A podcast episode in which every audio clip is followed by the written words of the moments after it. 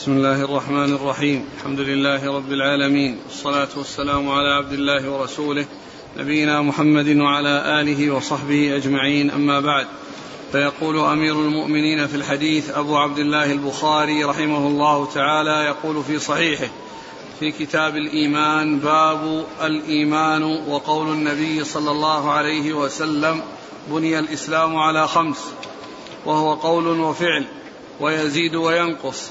قال الله تعالى ليزدادوا إيمانا مع إيمانهم وزدناهم هدى ويزيد الله الذين اهتدوا هدى والذين اهتدوا زادهم هدى وآتاهم تقواهم ويزداد الذين آمنوا إيمانا وقوله أيكم زادته هذه إيمانا فأما الذين آمنوا فزادتهم إيمانا وقوله جل ذكره فاخشوهم فزادهم إيمانا وقوله تعالى وما زادهم الا ايمانا وتسليما والحب في الله والبغض في الله من الايمان وكتب عمر بن عبد العزيز إلى عدي بن عدي ان للايمان فرائض وشرائع وحدودا وسننا فمن استكملها استكمل الايمان ومن لم يستكملها لم يستكمل الايمان فان اعش فسابينها لكم حتى تعملوا بها وإن أمت فما أنا على صحبتكم بحريص.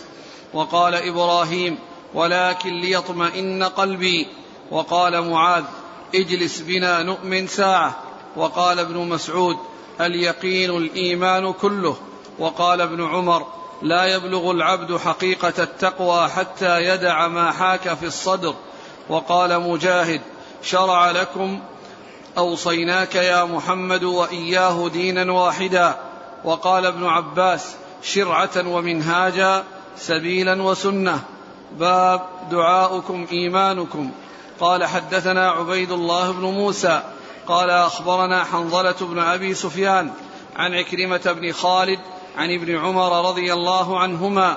قال قال رسول الله صلى الله عليه وسلم بني الإسلام على خمس شهادة أن لا إله إلا الله وأن محمدا رسول الله وإقام الصلاة وإيتاء الزكاة والحج وصوم رمضان. بسم الله الرحمن الرحيم. الحمد لله رب العالمين وصلى الله وسلم وبارك على عبده ورسوله نبينا محمد وعلى آله وأصحابه أجمعين أما بعد. ففي الدرس الماضي حصل البدء بهذه الترجمة وهي باب قول النبي صلى الله عليه وسلم بني الإسلام على خمس.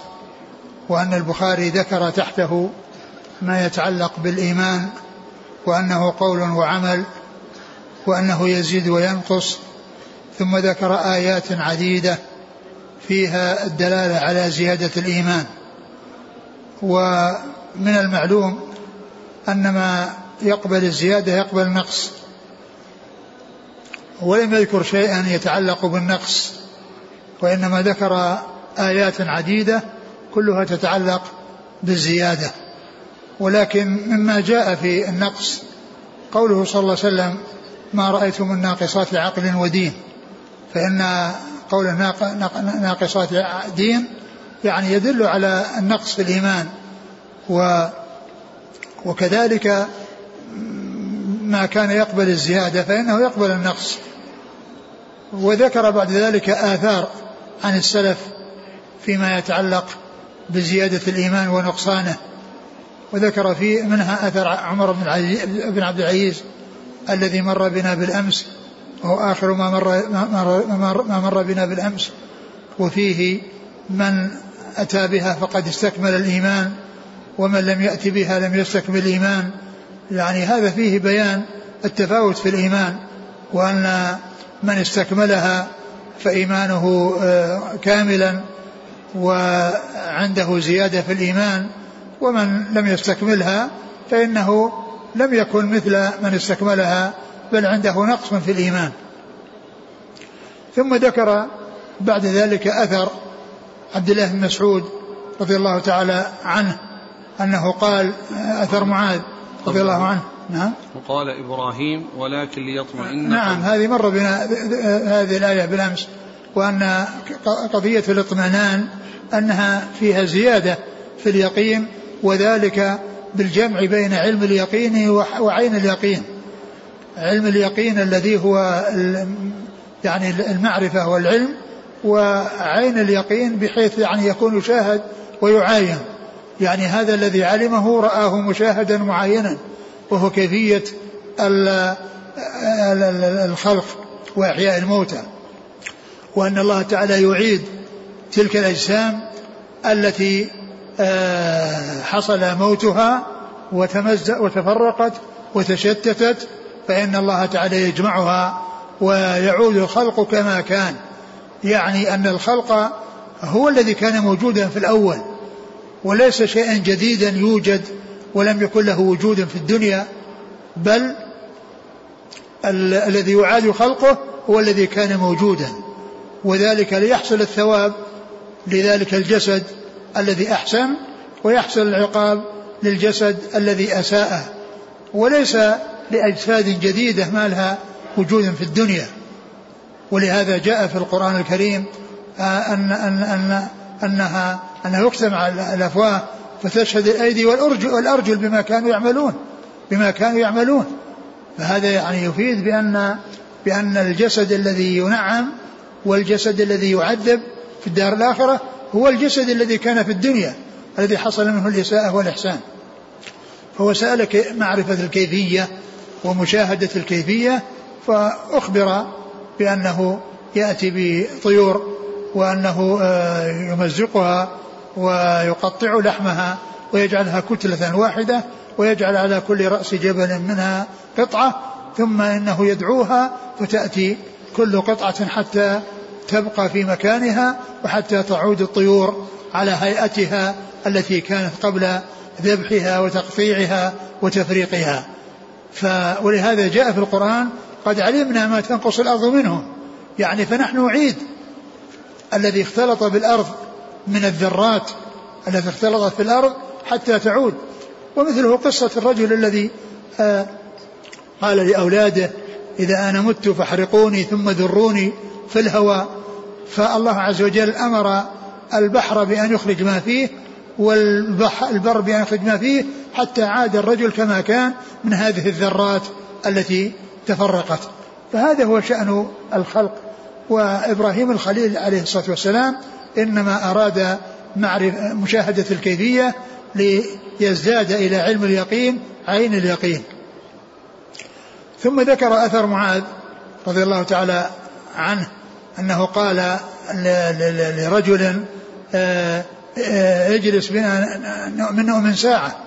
يعني آه، يعني أراد أن يجلس معه ويحصل التذاكر والتفكير والتأمل فيما يقوي الإيمان. هو هو مؤمن وهم والذي معه مؤمن ولكن المقصود هو الزيادة في الإيمان.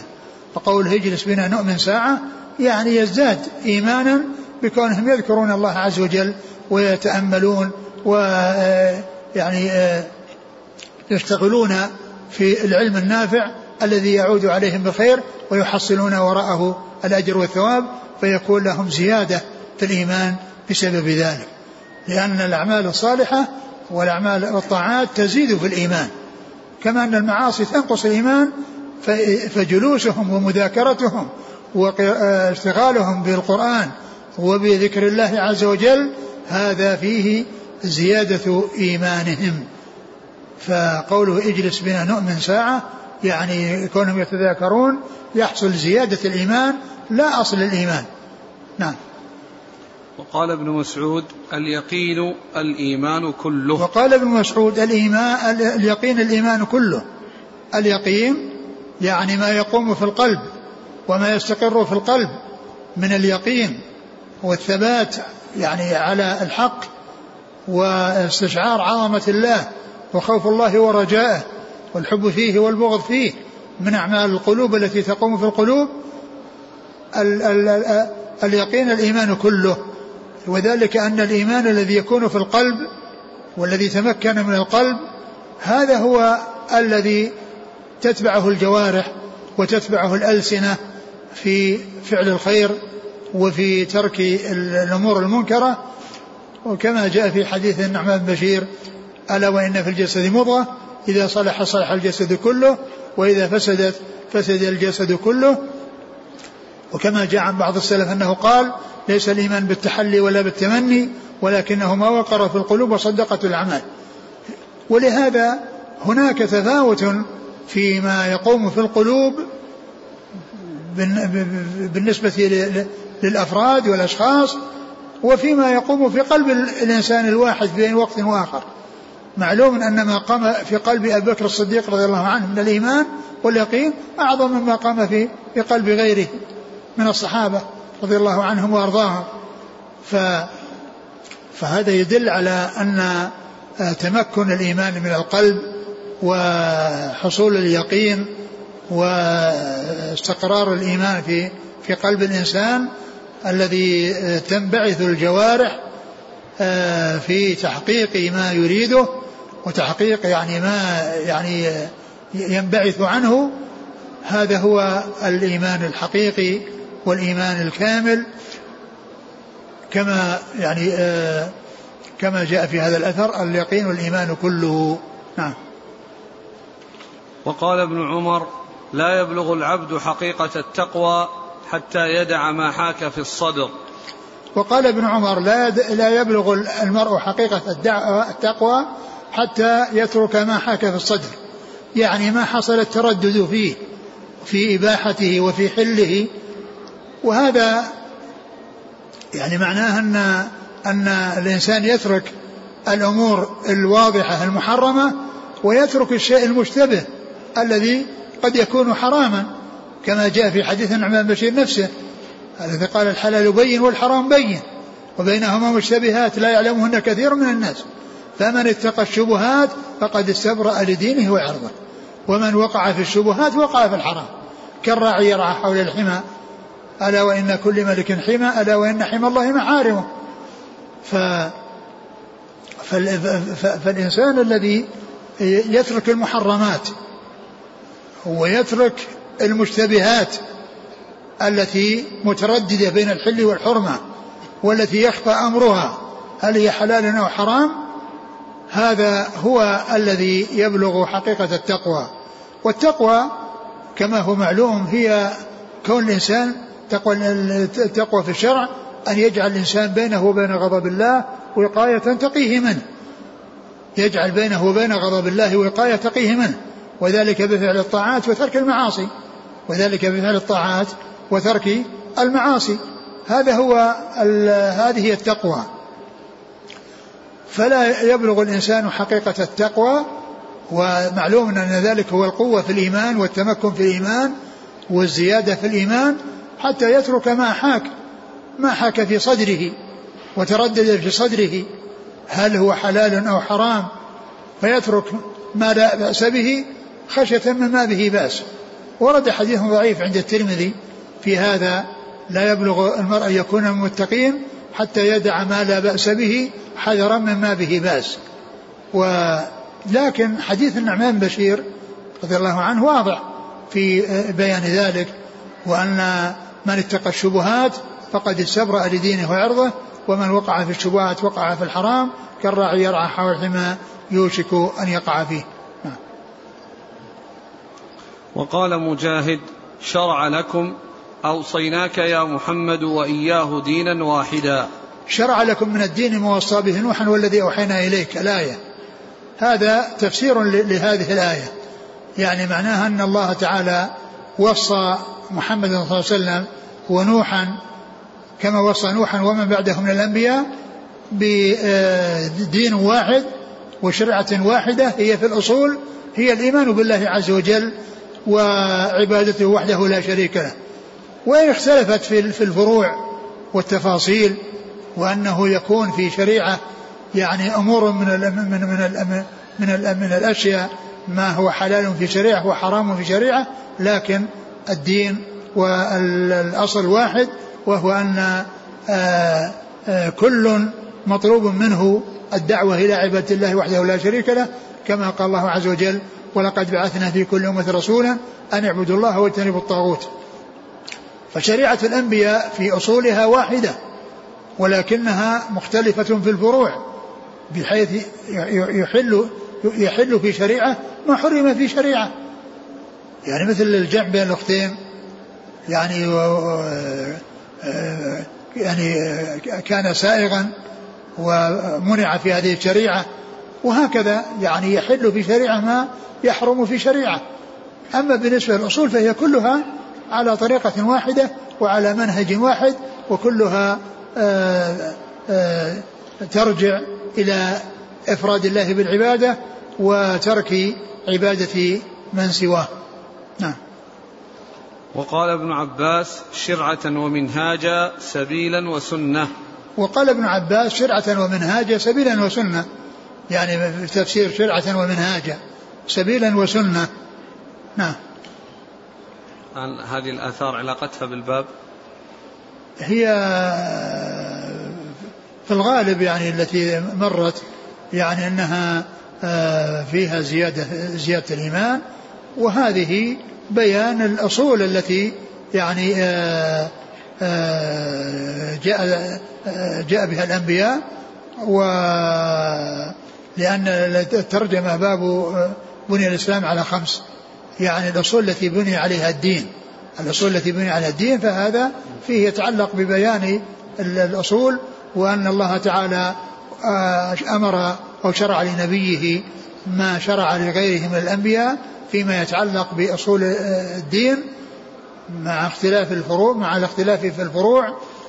وكذلك أيضا أن الله تعالى جعل الأنبياء شرعة ومنهاجا وذلك في الأصول مع التفاوت في الفروع. فيكون يعني العلاقة يعني من جهة الأصول والاتحاد فيها وبعضها يتعلق بالزيادة والنقصان فيما يتعلق بأثر بن, بن, بن معاذ وأثر بن مسعود و آه، حتى ما حكى عن ابن مسعود. اليقين الإيمان كله ثم أيوه؟ حديث ابن عمر لا يبلغ العبد حقيقة نعم هذه كلها تتعلق بزيادة الإيمان. هذه كلها تتعلق بزيادة الإيمان. والذي بعدها يعني يتعلق بالشرائع وأنها متفقة في الأصول. نعم. هذه الآثار الآن ساقها لم يذكر لها أسانيد.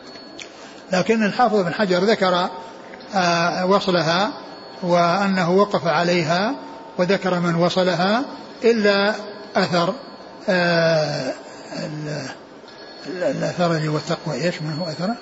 كيف شيخ؟ التقوى هذا من هو الأثر؟ حديث ابن عمر لا يبلغ العبد حقا نعم هذا هو الذي قال أنه لم يقف على وصله لكن وجد من الحديث ما يدل على معناه هو حديث النعمان بشير نعم. فنقول إنها معلقات مجزوم بها نعم معلقات مجزوم بها. إلا هذا فإن الحافظ بن حجر قال إنه لم يقف على وصله. قال باب باب دعاؤكم إيمانكم. هذا الباب يعني سقط من بعض النسخ وسقوطه هو الأولى. لأن لأن دعاؤكم إيمانكم مثل شرعة ومنهاجا وهو أثر عن ابن عباس. يعني هو متعلق بالباب الذي قبله. والحديث الذي بعده هو نفس الذي أشير إليه في الباب. ف يعني سقوط الباب في هذا الموضع لا شك أنه هو الواضح. لأنه ليس شيئا جديدا. ليس يعني شيئا جديد. وإنما سقوطه هو الواضح لأن الحديث الذي ذكر في أول الترجمة السابقة هو الذي جاء بعد هذه الترجمة. وكلمة دعاءكم إيمانكم مثل شرعة ومنهاجا هذا أثر عن ابن عباس. والذي الأخير أثر عن ابن عباس شرعه ومنهاجا طريقا وسنة. وهنا قال دعاؤكم إيمانكم. قل ما يعبأ بكم ربي لولا دعاؤكم. يعني دعاؤكم معناها إيمانكم. فهو أثر عن ابن عباس. أثر عن ابن عباس والذي قبله يعني بدون الباب هو أثر عن ابن عباس. فحذف الباب هو الواضح. حذف الباب هو الواضح من جهة أن الحديث الذي بعده هو نفس الحديث الذي أشر في الترجمة السابق باب بني الإسلام على خمسة. وهذا الحديث اللي هو الذي فيه بناء الإسلام على خمس الذي بعد هذه الترجمة. إذا كلمة الباب جاءت في بعض النسخ و وعدم ذكر الباب أوضح. ويكون دعاؤكم إيمانكم تابع لقوله للأثر الذي قبله شرعة ومنهاجا هذا أثر عن ابن عباس وهذا أثر عن ابن عباس. فقال دعاؤكم إيمانكم. دعاؤكم قل ما يعبأ بكم ربي لولا دعاءكم آخر آية في سورة الفرقان.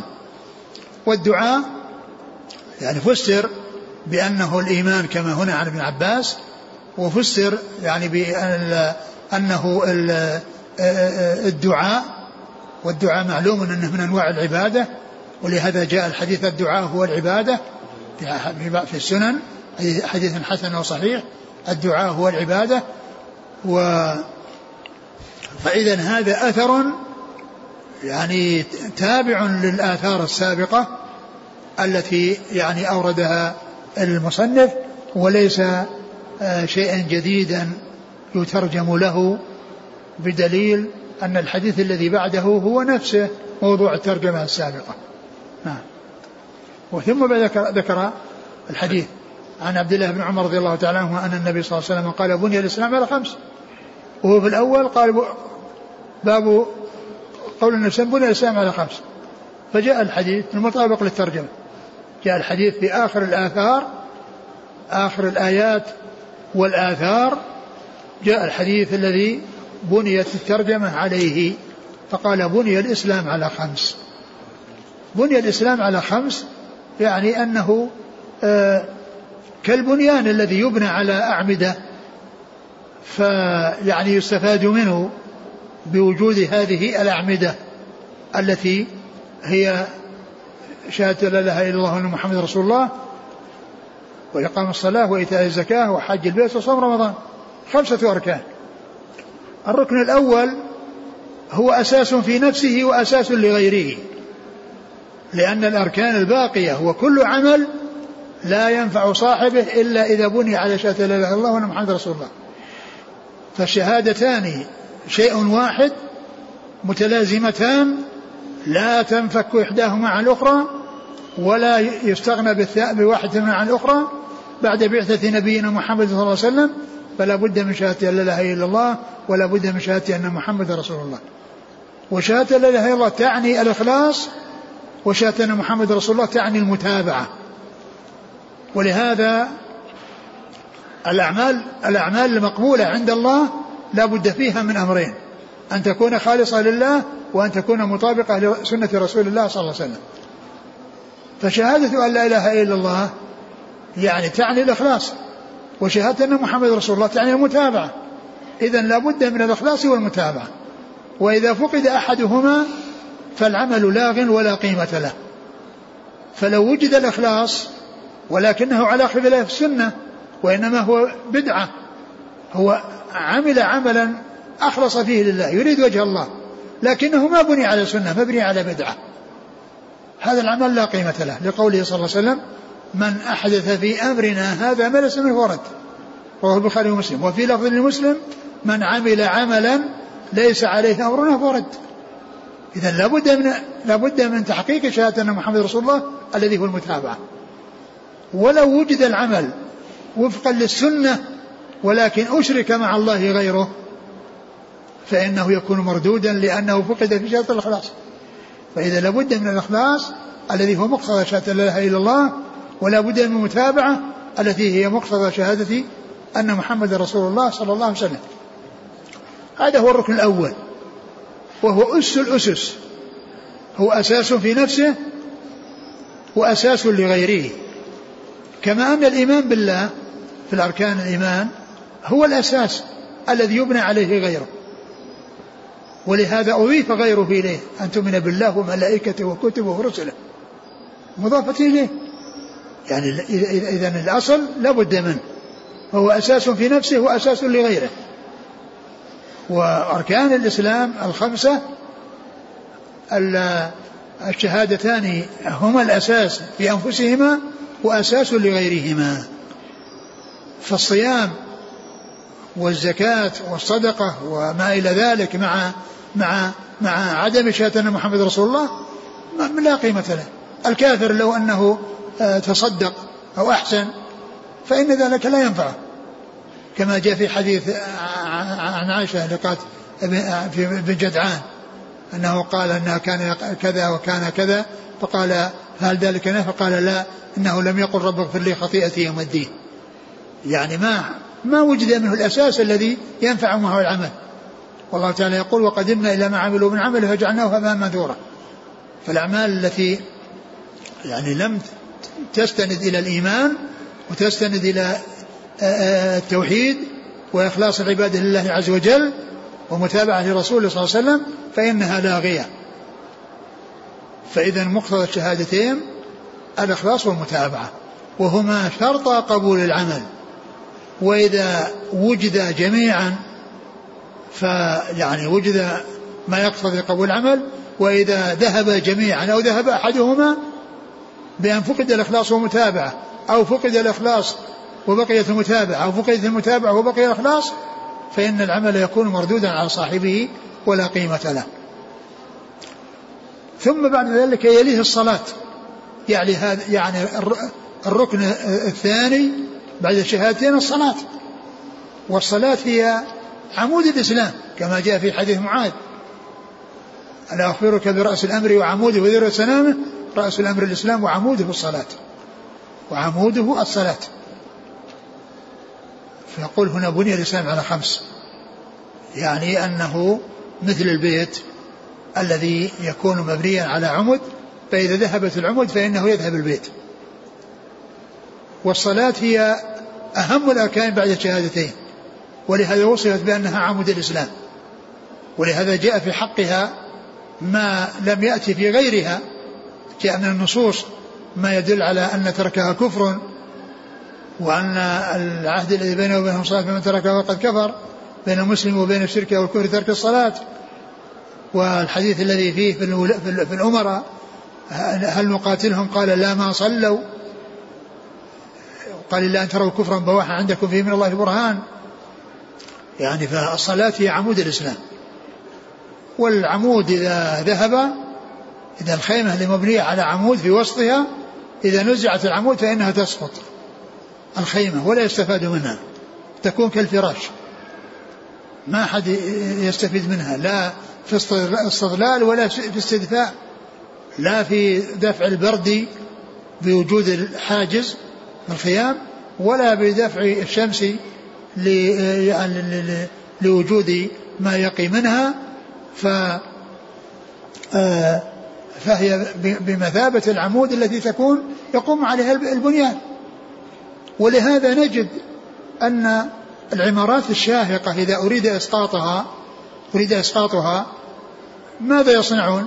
لا يأتون للدور الأول ويكسروه حتى ينزلوا للثاني ثم الثالث وإنما يأتون إلى الأعمدة التي في الدور الأول فيخلخلونها ثم يربطون بها شيئا يعني قوي من الحديد ثم يجر من مكان بعيد ثم تسقط فتكون العمارة التي من عشرة أدوار كأنها دور واحد.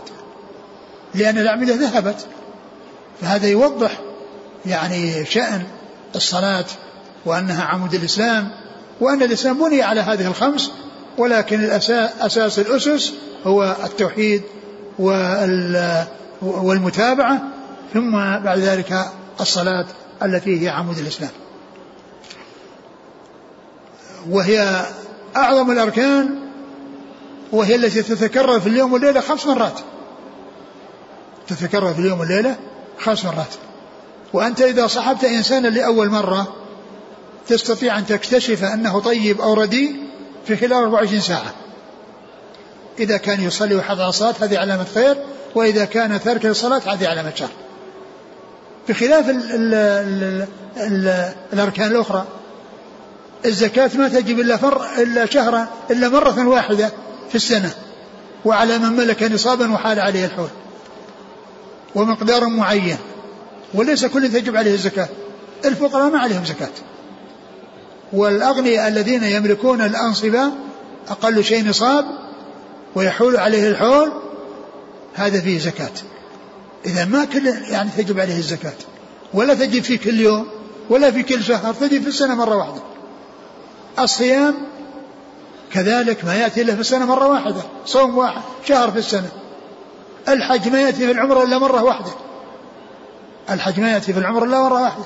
فهي متفاوتة ولهذا الصلاة كانت أعظم من غيرها لأنها في اليوم والليلة خمس مرات ونفعها قاصر وأما الزكاة التي بعدها فهي نفعها متعدي. نفعها متعدي لأنه يستفيد المزكي والذي دفعت إليه الزكاة. والذي دفعت إليه الزكاة. والصيام نفعه متعدي يعني قاصر. والحج كذلك يعني هو قاصر على من حج أو يعني متعدي لمن حج عنه إذا كان حج عن غيره. لكن الصلاة هي أعظم شأنا من غيرها ولهذا وصفت بأنها عمود الإسلام وجاء في الأحاديث ما يدل على عظم شأنها. وكان أصحاب رسول الله صلى الله عليه وسلم لا يرون شيئا من الأعمال تركه كفر غير الصلاة. وهذا فيما إذا حصل التساهل. وأما في الجحود فجحود أي واحد من أركان الإسلام الخمسة وكذلك من الأمور التي معلومة من دين الإسلام بالضرورة فإنه يكون كفرا. ولكن الصلاة من جحدها من تركها تهاونا وكسلا فإنه يكون كافرا. لهذه الأدلة التي جاءت في خصوصها ولكونه جاء عن أن الصحابة رضي الله عنهم ما كانوا يرون شيئا من الأعمال تركه كفر غير الصلاة. والزكاة هي التي تلي الصلاة في الأهمية. وهي متعدية النفع ويستفيد المزكي والذي دفعت إليه الزكاة. والله عز وجل لما فرض الزكاة فرضها على وجه ينفع الفقير ولا يضر الغني. على وجه ينفع الفقير ولا يضر الغني. فهو جزء قليل من المال يخرج من أموال الأغنياء بشروطه بأن يكون حال عليه الحول بلغ نصاب وحال عليه الحول ويدفع للفقراء فالفقير يستفيد من هذا القليل والغني لا يؤثر عليه هذا القليل. لا ينف... لا يضر الغني إخراجه وينفع الفقير وصوله إليه. وينفع الفقير وصوله إليه. ثم بعد ذلك الصيام الذي هو أحد أركان الإسلام الخمسة والذي هو سر بين العبد وبين ربه. لا يطلع عليه إلا الله سبحانه وتعالى ثم الحج. والإمام البخاري رحمه الله لما ذكر هذا الحديث ذكر الحج مقدما على الصيام ثم إنه رتب الكتب على هذا الترتيب فجعل الحج مقدما على الصيام في نفس ترتيب الكتب. لأنه لما ذكر هذا الحديث رتبها رتب الكتب في فيما يتعلق ب بال بالعبادات عليه. فبدأ بالطهارة التي هي مفتاح الصلاة ثم الصلاة ثم الزكاة ثم الحج ثم الصيام. قال وحج البيت وصوم رمضان. فقدم الحج في الترتيب ولهذا كتاب الحج مقدما على كتاب الصيام. لأنه ذكر هذا الحديث ورتب الكتب عليه. وقد جاء في صحيح مسلم يعني أن الرسول عليه الصلاة والسلام أو أن ابن عمر رضي الله عنه يعني روى الحديث فلما استعاده يعني الذي أخذ عنه وقال والحج وصوم رمضان قال لا صوم رمضان والحج. يعني نفسه يعني فهذا يدل على أن هذا الذي معنا عند البخاري مروي بالمعنى. مروي بالمعنى لأن ابن عمر رضي الله عنه لما أخذ منه الحديث ثم استعاده ممن أخذ عنه فقدم الحج على الصيام قال لا إنما سمعت من صلى الله الصيام ثم الحج. فيدل على أن الروايات الأخرى التي فيها تقديم الحج على الصيام أنها من قبيل ما روي بالمعنى. نعم. الإسناد؟ قال حدثنا عبيد الله بن موسى. نعم عبيد الله بن موسى أيوه. عن, عن حنظلة بن أبي سفيان. نعم. عن عكرمة بن خالد. عكرمة بن خالد هذا يعني آه، روى له أصحاب الكتب وفي شخص آخر يقال له عكرمة بن خالد يعني ضعيف وليس له رواية في الكتب وهو يعني ولهذا ذكر الحافظ التقريب بالتمييز يعني معناه أنه مشتبه بهذا الاسم ولكنه ليس له رواية في الكتب الستة وهو عكرمة بن خالد بن سلمة المخزومي. يعني هذا هذا الضعيف جده سلمة. وأما الثقة فهو الذي معنا في هذا الحديث. نعم. عن؟ عكرمة بن خالد شيخنا. ها؟ عكرمة بن خالد هذا الذي معنا. اي نعم. رمز له بعين؟ اي نعم هو بعين. ابن خالد نعم الكتب الستة نعم. طبعا أصحاب الكتب. وذلك ليس له رواية.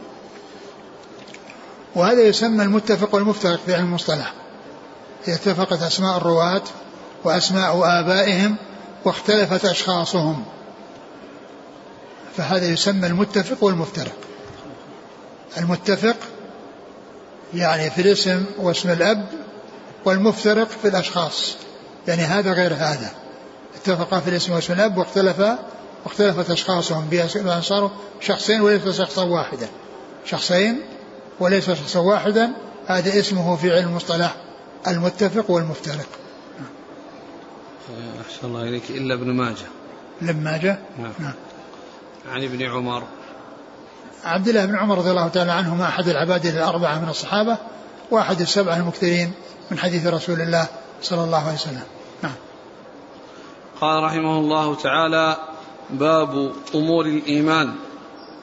وقول الله تعالى ليس البر أن تولوا وجوهكم قبل المشرق والمغرب ولكن البر من آمن بالله واليوم الآخر والملائكة والكتاب والنبيين. واتى المال على حبه ذوي القربى واليتامى والمساكين وابن السبيل والسائلين وفي الرقاب وأقام الصلاة واتى الزكاة والموفون بعهدهم إذا عاهدوا والصابرين في البأساء والضراء وحين البأس أولئك الذين صدقوا وأولئك هم المتقون قد أفلح المؤمنون الآية قال حدثنا عبد الله بن محمد قال حدثنا أبو عامر العقدي قال حدثنا سليمان بن بلال عن عبد الله بن دينار عن أبي صالح عن أبي هريرة رضي الله عنه عن النبي صلى الله عليه وعلى آله وسلم أنه قال قال الإيمان بضع وستون شعبة والحياء شعبة من الإيمان. ثم ذكر هذه الترجمة باب أمور الإيمان يعني خصال الإيمان. خصال الإيمان وشعب الإيمان يعني أنه أنه أشياء متعددة لأنه يتعلق بالقلب ويتعلق باللسان ويتعلق بالجوارح وأركانه ثلاثة اعتقاد بالجنان وقول باللسان وعمل بالأركان.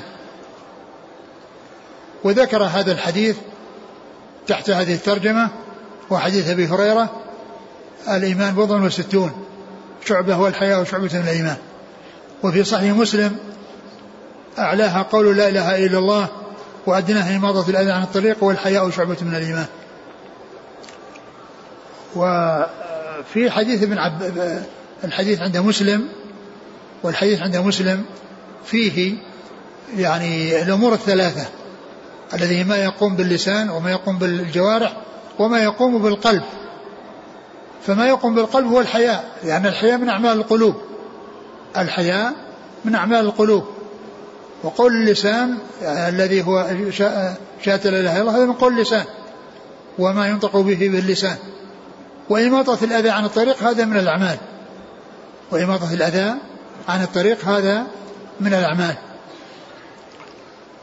فباب أمور باب أمور أمور أمور الإيمان أمور الإيمان. وقول الله عز وجل ليس البر ثم ذكر هذه الآية. ليس البر أن تولوا وجوهكم قبل المشرق والمغرب ولكن البر من آمن بالله. الآية وقد اشتملت هذه الآية. بدأت بالبر وختمت بالتقوى. بدأت بقول ليس البر أن تولوا وجوهكم ولكن البر ثم قالوا أولئك صدقوا وأولئك هم المتقون.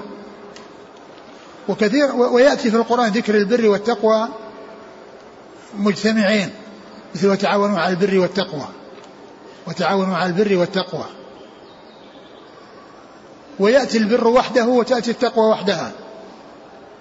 فهي من جنس الإسلام والإيمان. إذا جمع بينهم في الذكر فرق المعنى بينهما. وإذا انفرد أحدهما الآخر شمل المعنيين فالبر عندما يكون مع التقوى يفسر البر بأنه فعل الطاعات. والتقوى ترك المعاصي. وإذا أفرد البر شمل فعل الطاعات وترك المعاصي. وإذا أفردت التقوى شملت الطاعات وترك المعاصي. وهذه الآية الكريمة فيها ذكر الأصول والفروع وأنها داخلة في البر وداخلة في التقوى.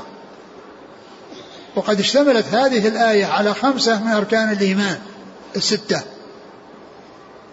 وهي الإيمان بالله وملائكته وكتبه ورسله واليوم الآخر. هذه خمسة كلها موجودة في هذه الآية.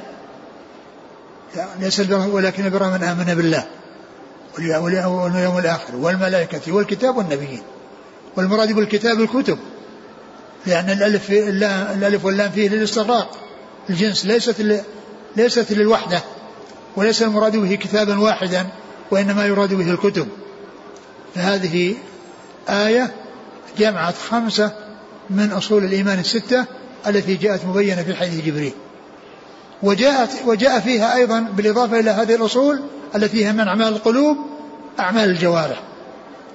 وهذا يبين لنا أن أن أن الإسلام والإيمان إذا انفرد أحدهما على الآخر يشمل الجميع وإذا اجتمع يفسر الإيمان بشيء والإحسان بشيء والإسلام بشيء. وكذلك البر والتقوى. إذا اجتمع آه، فسر آه، البر بفعل الطاعات والتقوى بترك المعاصي وإذا انفرد أحدهما الآخر آه، شمل المعنيين جميعا. شمل المعنيين جميعا. فإذا هذه الآية الكريمة تفسير فيها تفسير البر بأنه الأصول والفروع. بأنه الأصول المتعلقة بالقلوب وكذلك الفروع المتعلقة بالجوارح. المتعلقة بالجوارح. فكل ذلك داخل تحت البر وداخل تحت التقوى. لأن الآية بدأت بالبر وختمت بالتقوى. بدأت بالبر وختمت بالتقوى. فإذا هذه من أمور الإيمان وكلها داخلة في الإيمان. يعني التي هي الأصول الخمسة وكذلك الأعمال الأخرى التي جاءت وهي من من الأعمال التي هي داخلة في كون الإيمان اعتقاد وقول وعمل لأن الأعمال من الإيمان. وما سوى هذه الخمسة في هذه الآية كلها من من, من الأعمال وهي داخلة في مسمى الإيمان. فإذا مشتملة على أمور الإيمان يعني وعلى يعني شعب من شعب الإيمان. ثم قال قد أفلح المؤمنون. نعم. قد أفلح المؤمنون ثم ذكر أوصاف المؤمنين في آيات بعد هذه الآية. في آيات بعد هذه الآية ذكر أوصاف المؤمنين الذين هم في صلاتهم خاشعون والذين هم على يرضون والذين هم الزكاة فاعلون. يعني أوصاف لأهل الإيمان وكلها داخلة تحت اسم الإيمان. نعم وبعدها؟ حديث أبي هريرة. قال ثم حديث نعم. ثم حديث أبي هريرة عن النبي صلى الله عليه وسلم قال الإيمان بضع وستون. والبضع قيل إنه ما بين الثلاثة والتسعة. يعني من ثلاثة إلى تسعة هذا قال البضع. ويؤتى به يعني في ال في ال في في في, في, في, في الآحاد وفي العشرات قال بضع. بضع يعني آه قال بضع وستون بضع بضعة عشر بضع وسبعون بضع وخمسون بضع وتسعون يعني آه يعني لكن ما يقال مئة وبضع مئة وبضع وإنما استعمل في العشرات. يعني يأتي استعماله في العشرات. آه وستون وجاء في آه يعني في بعض الروايات في آه آه بضع وسبعون وفي بعضها بضع وستون أو بضع وسبعون. على الشك. جاء بضع وستون وبضع وسبعون وبضع وستون أو بضع ويعني سبعون يعني على الشك. والحديث الذي أورده البخاري هنا في قال بضعة وستون بضع وستون. ولم يكرر هذا الحديث لم يتكرر هذا الحديث عند البخاري وإنما جاء في هذا الموضع وبهذا اللفظ الذي هو بضع وستون. وهذه يعني آآ آآ منها ما يتعلق بالقلب ومنها ما يتعلق باللسان ومنها ما يتعلق بالجوارح. ومنها ما يتعلق بالجوارح. والذي جاء في, في, في هذه الآيات اللي هي آية قد يفعل المؤمنون وما بعدها وكذلك ليس البر هو من جملة يعني شعب الإيمان التي هي داخلة في قوله بضع وستون أو بضع وسبعون. نعم. قال حدثنا عبد الله بن محمد. عبد الله بن محمد هذا هو الجعفي. عبد الله بن محمد الجعفي يعني وهو آآ آآ الذي جده أسلم على يديه جد البخاري.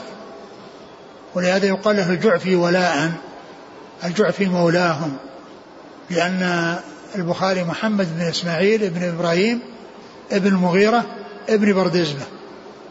وهذا عبد الله بن محمد ابن عبد الله بن جعفر بن يمان. ويمان الجعفي هو الذي أسلم على يديه المغيرة ابن بردزبة. فهو يعني هذا يعني من من من من القبيلة التي يعني البخاري ينتسب إليها بالولاء. ينتسب إليها بالولاء. وهو شيخه. ويقال له المسندي لأنه كان يحرص على المسانيد وعلى المتصلات. ويعني لا يحرص على المراسيل وإنما يحرص على المتصلات والمسندات ولهذا يقال له المسندي. يعني يلقب بالمسندي نسبة إلى آه، يعني اهتمامه بالإسناد المتصل وبالأسانيد المتصلة. وقد روى عنه البخاري أحاديث كثيرة. ويعني لم يروي له مع من أصحاب الكتب مع البخاري إلا الترمذي فإنه روى عنه بواسطة البخاري. روى عنه بواسطة البخاري. ولم يخرج له مسلم ولا غيره. وقد ذكر وقد ذكر في ترجمته في آخر ترجمته في تهذيب التهذيب أن أن في كتاب الزهرة أن البخاري خرج له أربعة وأربعين حديثا. خرج له أربعة وأربعين حديثا. وكتاب الزهرة هذا يعني يتعلق بشيوخ الشيخين ويبين ما كان لهما في الصحيحين وما كان لأحدهما أو يعني إذا كان يعني ذكره في الصحيحين يقول آه، آه، اتفق على كذا له اتفق على كذا وانفرد مسلم البخاري بكذا ومسلم بكذا. وإذا كان انفرد له البخاري يقول انفرد أخرج له البخاري كذا. ف كتاب الزهرة هذا الذي ينقل عنه ابن حجر في أواخر التراجم لشيوخ الشيخين يذكر عدد ما لهم نقلا عن كتاب الزهرة. هذا عبد الله بن محمد. يعني حيث جاء يعني بهذا اللفظ وبهذا الهدف والمقصود به الجعفي. من شيوخ عبد الله بن محمد بن أبي شيبة. لكنه ليس هو المقصود هنا لأن ذاك يسميه فيقول عبد الله بن أبي شيبة. عبد الله بن أبي شيبة. ولكنه حيث يأتي يعني يعني بهذا الصيغة فإن المقصود به عبد الله بن محمد وهو الذي يروي عن أبي عامر العقدي يعني ولهذا من شيوخه يعني من شيوخ أبي عامر العقدي من تلاميذ العقدي هو عبد الله محمد الجعفي هذا. ما ذكر ابن أبي شيبة من شيوخه. ما ذكر ابن أبي شيبة من تلاميذه. وإنما ذكر آه هذا الذي هو الجعفي. نعم. عن أبي عامر العقدي. هو عبد الملك بن عمرو وهو صدوق أو أو ثقة اخرج أصحاب الكتب. عن سليمان بن بلال. نعم. عن عبد الله بن دينار. عبد الله بن دينار يعني هو عبد الله عبد الله بن دينار هذا في عبد الله بن دينار وعمرو بن دينار وكل منهم ثقة أخرجه أصحاب الكتب. عن أبي صالح. أبو صالح ذكوان السمان مشهور بكنيته. ومشهور وهو يروي عن أبي هريرة ومكثر من الرواية عن أبي هريرة واسمه ذكوان ولقبه السمان. نعم. عن أبي هريرة. عن أبي هريرة عبد الرحمن بن صخر الدوسي رضي الله تعالى عنه وقد ذكر الحافظ بن حجر عند ذكر هذا الحديث أن البخاري روى عنه أربعمائة وستة وأربعين حديثا.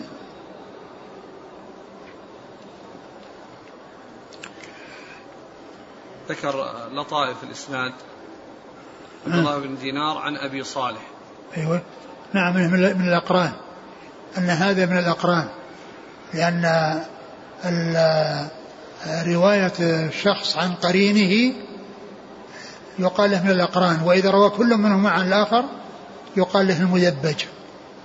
وإذا روى الشيخ عن التلميذ يقال له رواية الأكابر عن الأصاغر رواية الأكابر عن الأصاغر أما رواية التلاميذ عن الشيوخ هذه الجادة وهذا هو الأصل. والأقران يعني آه ليس بكثير. يعني آه يعني مثل مثل رواية الصغار عن الكبار. والعكس الذي هو رواية الأكابر عن الصغار أيضا قليل جدا. نعم. قال ومن سليمان إلى منتهاه مدنيون. مدنيون. وقد دخلها الباقون اللي هم عبد الملك بن عمرو اللي هو أبو عامر وعبد الله بن محمد المسندي دخلوا المدينة. قال رحمه الله تعالى باب المسلم من سلم المسلمون من لسانه ويده. والله تعالى أعلم وصلى الله وسلم وبارك على عبده ورسوله نبينا محمد وعلى آله وأصحابه أجمعين. جزاكم الله خيرا وبارك الله فيكم. ألهمكم الله الصواب ووفقكم للحق. نفعنا الله بما سمعنا وغفر الله لنا ولكم وللمسلمين أجمعين. آمين. يقول شيخنا بارك الله فيكم. هل أصل الإيمان يزيد وينقص؟ ال ال ال الإيمان أعلى درجة من الإسلام. والإسلام يعني آآ آآ الناس يشتركون في أنهم كلهم مسلمون. كل من دخل شهادة الله محمد رسول الله يقال له مسلم. وهذا الأصل لا بد منه. لكن الذي يزيد وينقص هو الإيمان. ولهذا الإيمان أكمل من الإسلام لأن لأن الأصل هو الإسلام والإيمان هو الكمال ولهذا جاء في القرآن قالت الأعراب آمنا قل لم تؤمنوا ولكن قولوا أسلمنا. ولكن قولوا أسلمنا. والإيمان شيء زائد على أصل الإيمان على أصل الإسلام. زائد على أصل الإسلام. لكنه يأتي كما سيأتي في الحديث الذي بعد هذا الناس يتفاوتون في الإسلام. ولهذا قال المسلم من سلم المسلمون. يعني ليس كل مسلم يسلم منه المسلمون وإنما المسلم الكامل أو المسلم اللي, يعني متمكن الإسلام منه. فالناس يعني في أصل الإسلام يعني خرجوا لأن الخروج من الكفر والدخول بالإسلام هو الناس متفقون فيه لكنهم متفاوتون في ما يقوم في قلوبهم. كما جاء في الحديث الذي بعد هذا المسلم من سلم المسلم حقا. يعني في مسلم يعني متمكن في الإسلام ومسلم يعني ضعيف. يعني في الأصل هذا مشترك لأن الحد الفاصل بين الكفر والإسلام أن الإنسان خرج من الكفر بشهادة لا محمد رسول الله فصار من المسلمين. لكن الناس متفاوتون في ذلك. ولهذا الحديث الذي سيأتي بعد هذا يدل على أنه ليس كل مسلم يسلم المسلمون من لسانه ويده وإنما بعض المسلمين. يقول قال الشيخ الإسلام رحمه الله في العقيدة الواسعة ثم أيضا من المعروف أن الإيمان يستثنى فيه فيقال أنا مؤمن إن شاء الله لكن ما يقول أنا مسلم إن شاء الله؟ أنا مسلم إن شاء الله. لأن الإسلام هو أدنى درجة. نعم. يقول شيخ الإسلام ابن تيمية في العقيدة الواسطية أن الدين والإيمان قول وعمل قول القلب واللسان. وعمل القلب واللسان والجوارح. يقول ما هو المقصود من قول القلب؟ إقراره. يعني إقرار يعني كونه يعني يعني في تصديق وإقرار القلب. فإقراره هو قوله. ولماذا قال إن الدين والإيمان؟ قول وعمل. ما المقصود من الدين؟ الدين الدين آه يأتي مرادف للإيمان. يعني ويأتي يشمل الإيمان والإحسان والإسلام. كما جاء في حديث جبريل هذا جبريل أتاكم يعلمكم دينكم. يعني فهو يشمل الإسلام والإيمان والإحسان كما في حديث جبريل. وهنا أتى به على اعتبار أن أن أن الدين والإيمان فيه هذه الأمور الثلاثة التي هي ما يقوم بالقلب وما يقوم باللسان على اعتبار أن الدين هو مثل الإيمان أنه يشتمل على هذه الأمور الثلاثة. وكما عرفنا أن الإسلام إذا انفرد يشمل ما يقوم بالقلوب وما يقوم في الجوارح والإيمان إذا انفرد يشمل ما يقوم بالقلوب وما يقوم بالجوارح. يقول آه، بعض من شرح حديث الإيمان بضع وستون شعبة عددها وسردها فهل لهذا مستند؟ ما في مستند ثابت ولكن كله يعني بال بالأشياء التي جاء فيها ذكر الإيمان وأن هذه من الإيمان. يعني جمع يعني لكن كونها مسرودة في نص ما في نص فيه سردها. لم يثبت شيء في سردها وإنما هذا كل تجميع من متفرقات ومن نصوص مختلفة نعم. كيف يصل طالب العلم إلى معرفة هذه الشعب؟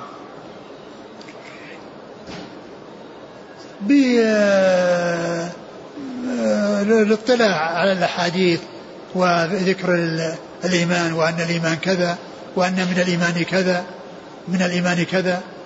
لأنه يأتي آه، في أحاديث ذكر أشياء أنها من الإيمان فتجميعها يعني من الأحاديث المختلفة وكذلك من من الآيات الكريمة المتعددة. يعني آه، هي ما تعرف إلا عن طريق القرآن والحديث. والشيء الذي في نص على أن هذا من الإيمان. يعني مثل آه، مثل ما جاء في نفس الحديث الآن الثلاثة هذه جاءت في نفس الحديث عند مسلم.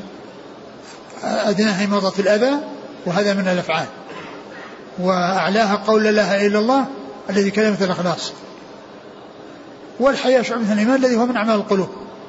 الحياء شعبة من الإيمان أي من أعمال القلوب. والحافظ بن حجر ذكر في الفتح يعني جمعها وقال أن ما يتعلق بالقلب كذا وما يتعلق بالجوارح كذا وما يتعلق باللسان كذا. نعم جمع جملة كبيرة منها أبلغها إلى فوق الستين أو قريب من السبعين. لكن كما هو معلوم كلها مأخوذة من من من من النصوص. لكن ليس هناك نص في جمعها وسردها.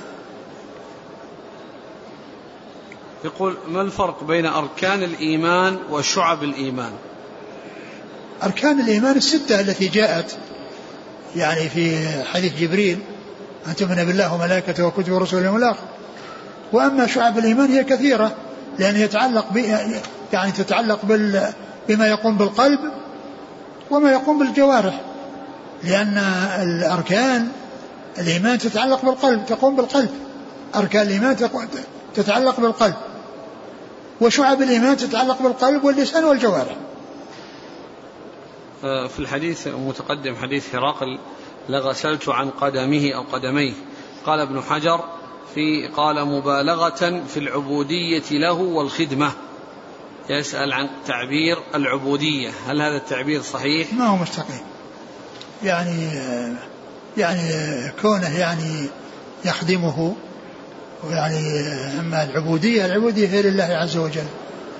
إلا أن يكون كما يفعل العبد مع سيده.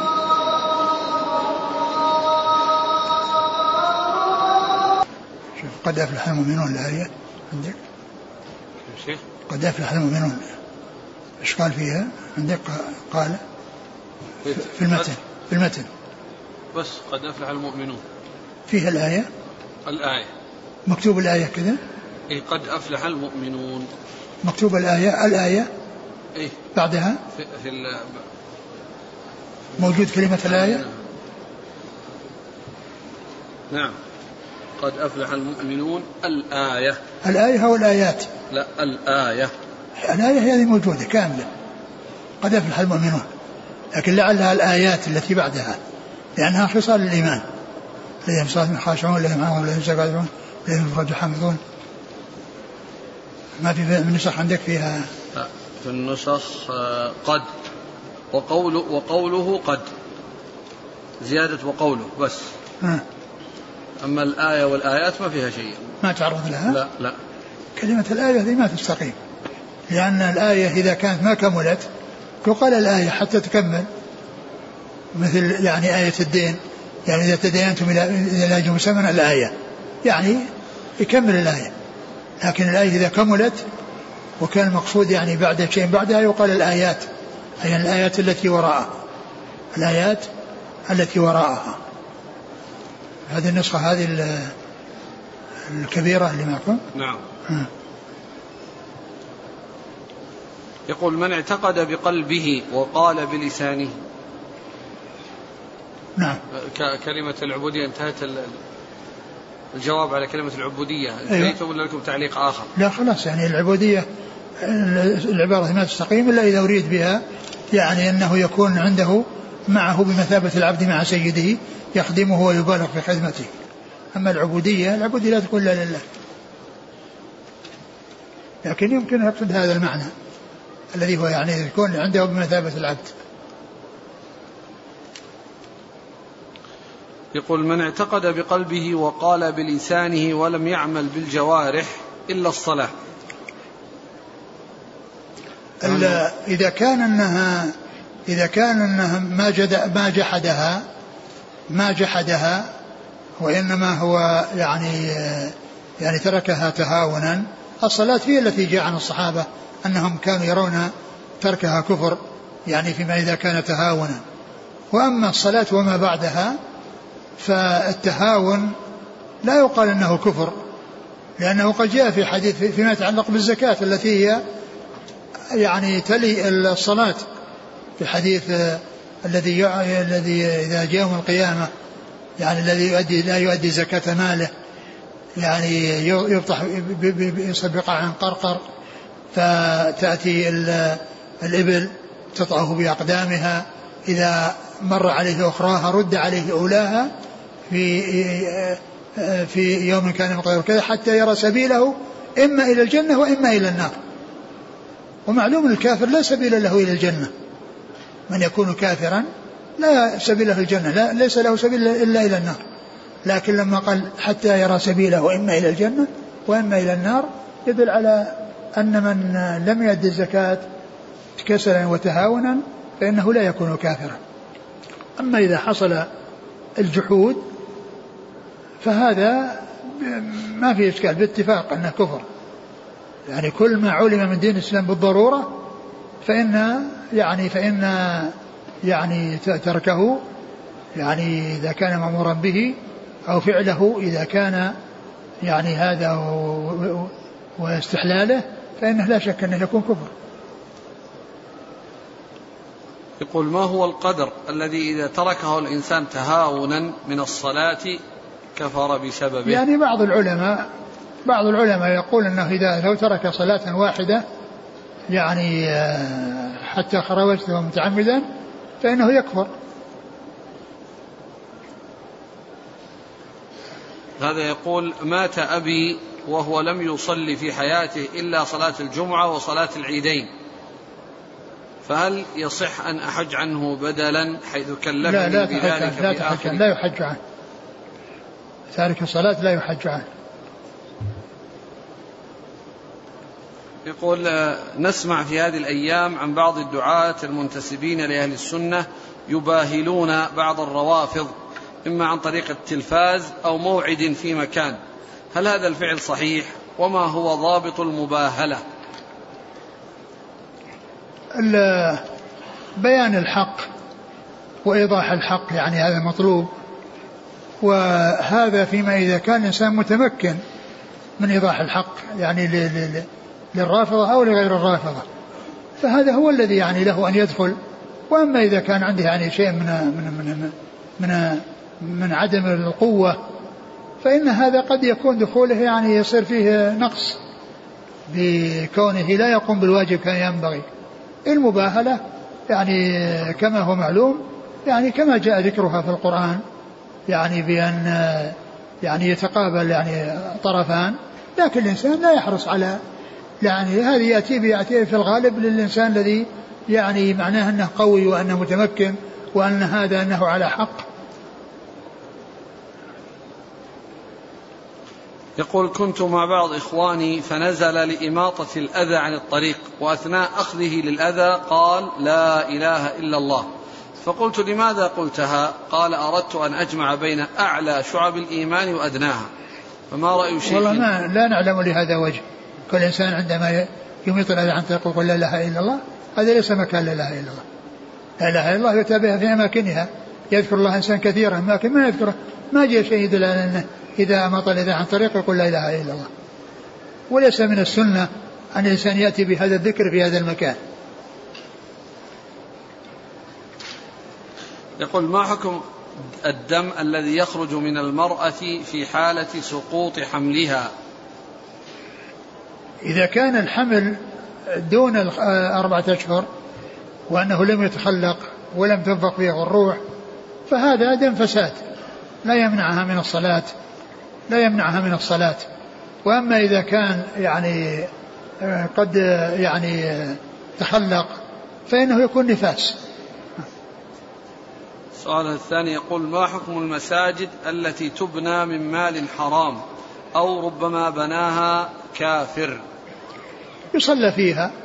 أقول يصلى فيها وتستعمل لكن كونها يعني المساجد تعمل تبنى بمال حلال بمال طيب هذا هو الذي ينبغي.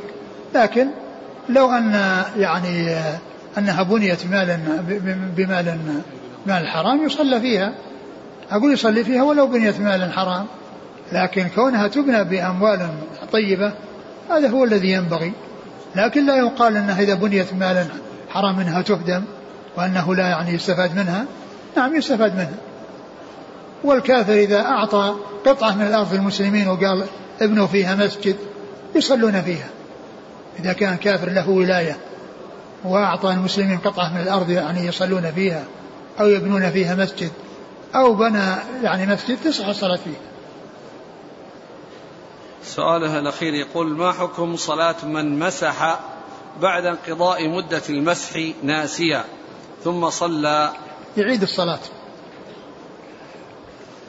يقول نحن جماعة من أفراد قبيلة ويوجد عندنا صندوق فيه نقود مخصص للحوادث فهل على هذا المال زكاة؟ إذا كان هذا المال يعني خرج من ملكهم وصار مخصصا لهذا هذا الأمر ما في زكاة. لأنه ليس له مالك. وأما إذا كان كل واحد باق على ملكه وأنه يعني يعني يعني أنه ما تبرع به. أما إذا تبرع وخرج عن ملكه ما في زكاة. الله